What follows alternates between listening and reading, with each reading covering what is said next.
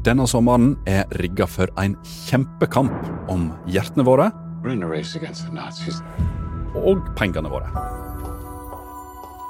Barbie og Oppenheimer nærmer seg. Hey, Barbie. Can I come to your house tonight? En rosa godtepose som omfavner det fantastiske plastikklivet, og den andre en film om vår mørkeste tid. Mot slutten av andre verdenskrig, da ei gruppe forskere bygde den første atombomba, og så trykka på knappen som forandra verden. Og disse to helt ulike filmene har premiere på samme dag. Betyr det at dette er kinokrig? Eller blir kombinasjonen av disse to større enn summen av delene, og et kulturelt øyeblikk som kan redde en kino i krise? Du hører på Forklart fra Aftenposten, og i hver episode går vi i dybden på ei nyhetssak. I sommer vil vi forklare deg minst to nyheter i veka, og i dag forklarer kulturjournalist Mina Madeleine Nystuen og filmanmelder meg, Synnøve Rogne, hvordan Barbenheimer kan bli kinoens redning. Mitt navn er Anders Weberg, og det er tirsdag 18. juli.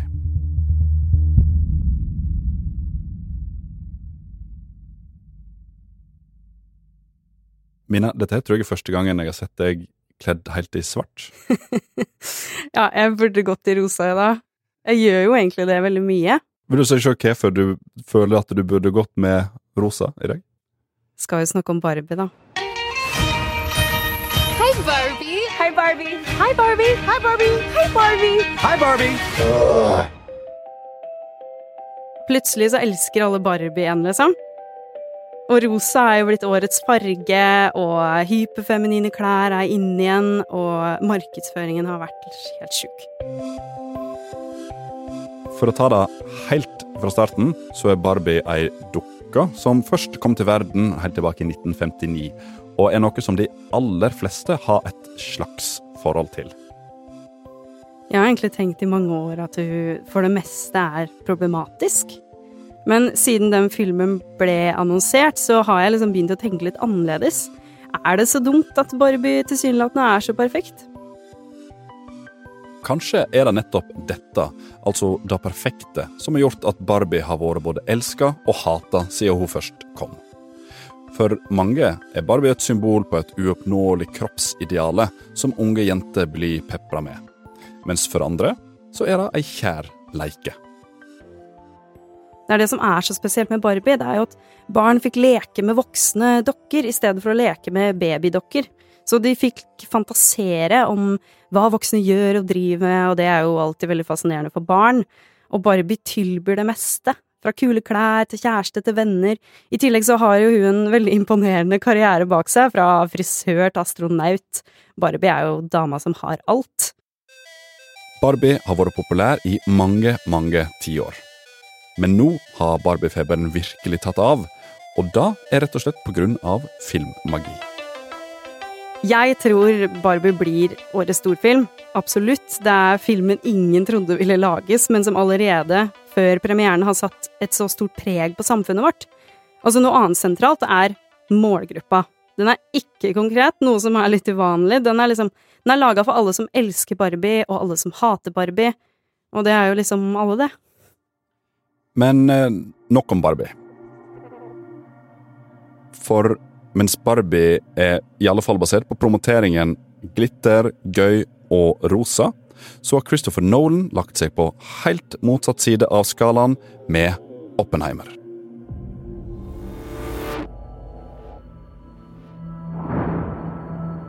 We're in a race against the Nazis. Da er historien om det kanskje aller mørkeste øyeblikket for menneskeheten. Det er slutten av andre verdenskrig, og den amerikanske fysikeren Robert Oppenheimer jobber med å bygge den første atombomba. På veien mot våpenet som endrer verden for alltid, så river tvilen igjen.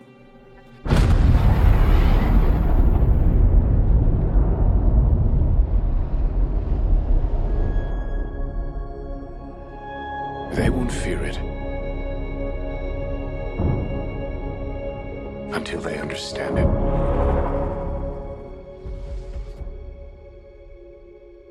Mina, dette er jo noe helt annet enn Barbie. Hva har disse to filmene med hverandre å gjøre? Filmene i seg selv? Ingen verdens ting. Men det som knytter de sammen, er jo at de har premiere samme dag.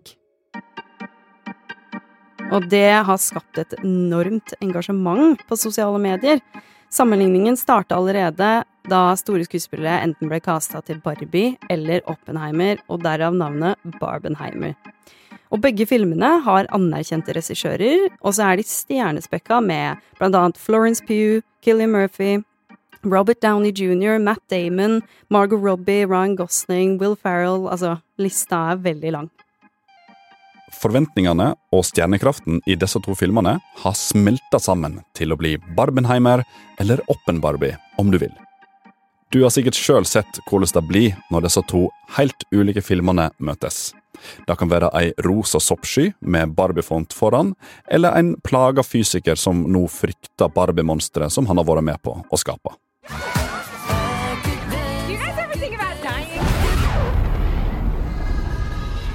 And the world is not prepared.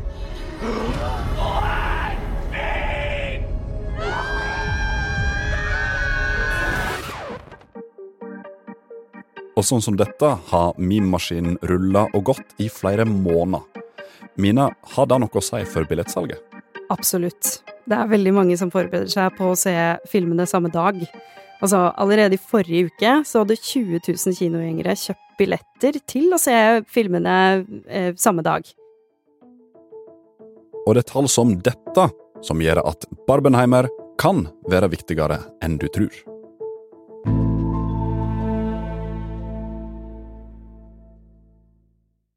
Det er helt vanlig at to filmer har premiere på, på samme, samme dag. Og Christopher Nolan han har faktisk vært i den situasjonen før, han. And here we go. Here I go again. My, my. Eh, I 2008 så hadde jo The Dark Knight premiere samme helg som Mamma Mia.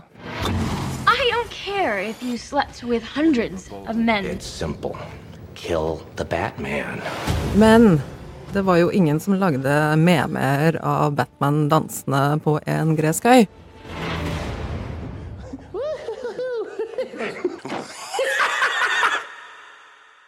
Så det nye nå er vel at sosiale medier liksom har tatt over.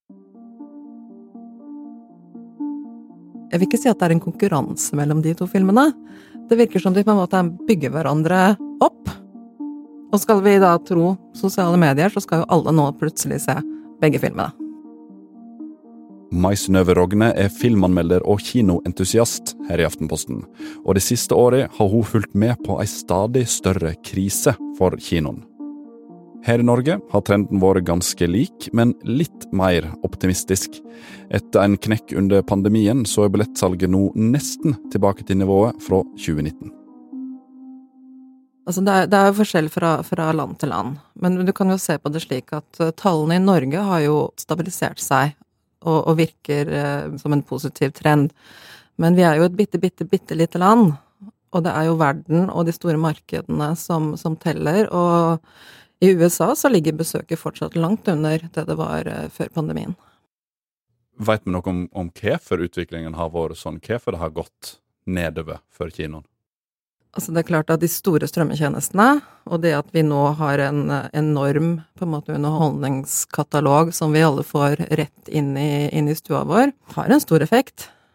Og vi skal jo heller ikke glemme at det er veldig mye som skriker om oppmerksomheten vår. Altså spillindustrien, for eksempel, den vokser jo og vokser. Og alle som spiller spill, vet jo at det tar eh, mye tid. Også når du har en gigantisk TV, så er det kanskje mange som stiller da spørsmålet er denne filmen verd en tur på kino? Eller kan jeg vente til den kommer på en strømmetjeneste om kanskje to uker, tre uker, en måned? Alt dette her har bidratt til at store filmstudio nå taper en del penger. Så de har sett etter en redning for kinoen. For det er liksom ikke nok med superhelter mer. Og Tom Cruise han kan ikke dra lasset helt alene med Top Gun og Mission Impossible-filmer. Kan det da være den usannsynlige duoen Barbenheimer som redder kinoen? Jeg tror nok Tom Cruise også kommer til å ta en stor del av kaka også i år. Men eh, det har vært veldig mye spekulasjoner i, om dette her. Eh, men jeg tror du i hvert fall kan si én ting sikkert, og det er at Hollywoods ganske nervøse studiosjefer gnir seg i hendene når de ser hvordan dette Barbenheimer-fenomenet vokser og vokser. Og det var jo veldig høye forventninger til mange uh, filmer i år, altså Indiana Jones, Pixars Elements, The Flash, Dungeons and Dragons, men alle på en måte floppa. Og nå syns jeg du kan hva skal si, merke kanskje en litt sånn forsiktig optimisme. Og jeg tror kinoen den trenger litt sånn entusiasme, litt sånn fremsnakk. Det er på en måte blitt den derre trauste onkelen som alltid er der, men uh, som du ikke alltid gidder å på en måte besøke. Og nå når kinobesøket plutselig liksom trender på TikTok, så kan det kanskje da være med å gi på en måte kinoopplevelsen et, eh, et lite løft. Men, men, bildet er nok litt mer komplisert enn at én premierehelg kan på en måte forutsi uh, kinoens fremtid. For med Barbenheimer så har studioene fått en drøm av ei lansering. Alle snakker om hva rekkefølgen skal se filmene i, hva cocktail som passer best i hva film, osv. Også Tom Cruise, han som konkurrerer mot begge filmene med Mission Impossible, er med og inviterer til en double feature. Og siden det er blitt en del av markedsføringen, mer eller mindre bevisst, har også skuespillerne kasta seg på. I mean, I'll be going to see Barbie 100%. I can't wait to see it. I think actually start your day with Barbie, then go straight into Oppenheimer, and then Barbie Chaser. Altså Enten så er dette her et genialt markedsføringstriks, eller så er det jo bare ren flaks at internett nå på en måte har tatt av. Men det blir jo på en måte en sånn slags synergieffekt, da. Altså de to filmene, de gjør jo på en måte reklame for hverandre. Og altså det grasrotengasjementet som du ser fra fansen nå, det er jo den type reklame som det er helt umulig å kjøpe for penger. Uh, og, og, kan på en måte være med å bygge opp da, en kanskje litt sånn genuin interesse for begge filmene. Altså, når, når var du oppriktig engasjert i en kinofilm sist? Altså, jeg har vært svært begeistra for veldig mange superhelter opp igjennom og sittet og klappa og hoppa i, i kinosalen sjøl, men nå når du nevner det, så er det faktisk en stund siden sist jeg var gira på, på denne måten. Altså, my, dette Barbenheimer-fenomenet, det er jo hovedsakelig gøy eh, og bare tull på internett, men ja, kan det ha noen reell effekt på filmbransjen på lengre sikt? Det er jo veldig, veldig vanskelig å spå. Men du kan Altså, Arthouse-filmer og kunstfilmer, de vil jo alltid på en måte ha sitt, sitt veldig trofaste publikum. Men det er jo ikke filmer som nødvendigvis gir så veldig mye klingende mynt i kassa, og er det én ting Hollywood er opptatt av, så er det jo penger. Så det blir nok de såkalte, hva skal jeg si, popkornfilmene, som fortsatt vil dominere. Og i tillegg så tror jeg det kommer til å bli enda mer fokus på altså de, de filmene som gir deg en ekstra opplevelse. Altså den opplevelsen som det fortsatt er vanskelig å skape da hjemme i, i stua. Og i fjor var det Top Gun Maverick og Avatar, uh, Way of the Water.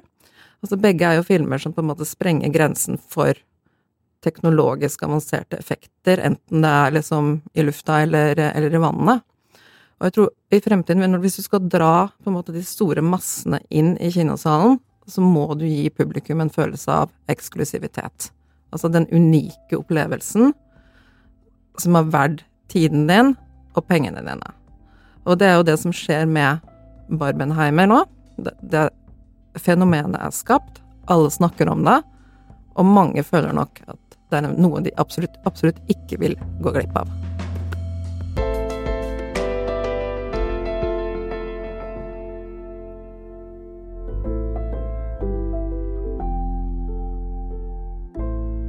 Du har hørt en podkast fra Aftenposten.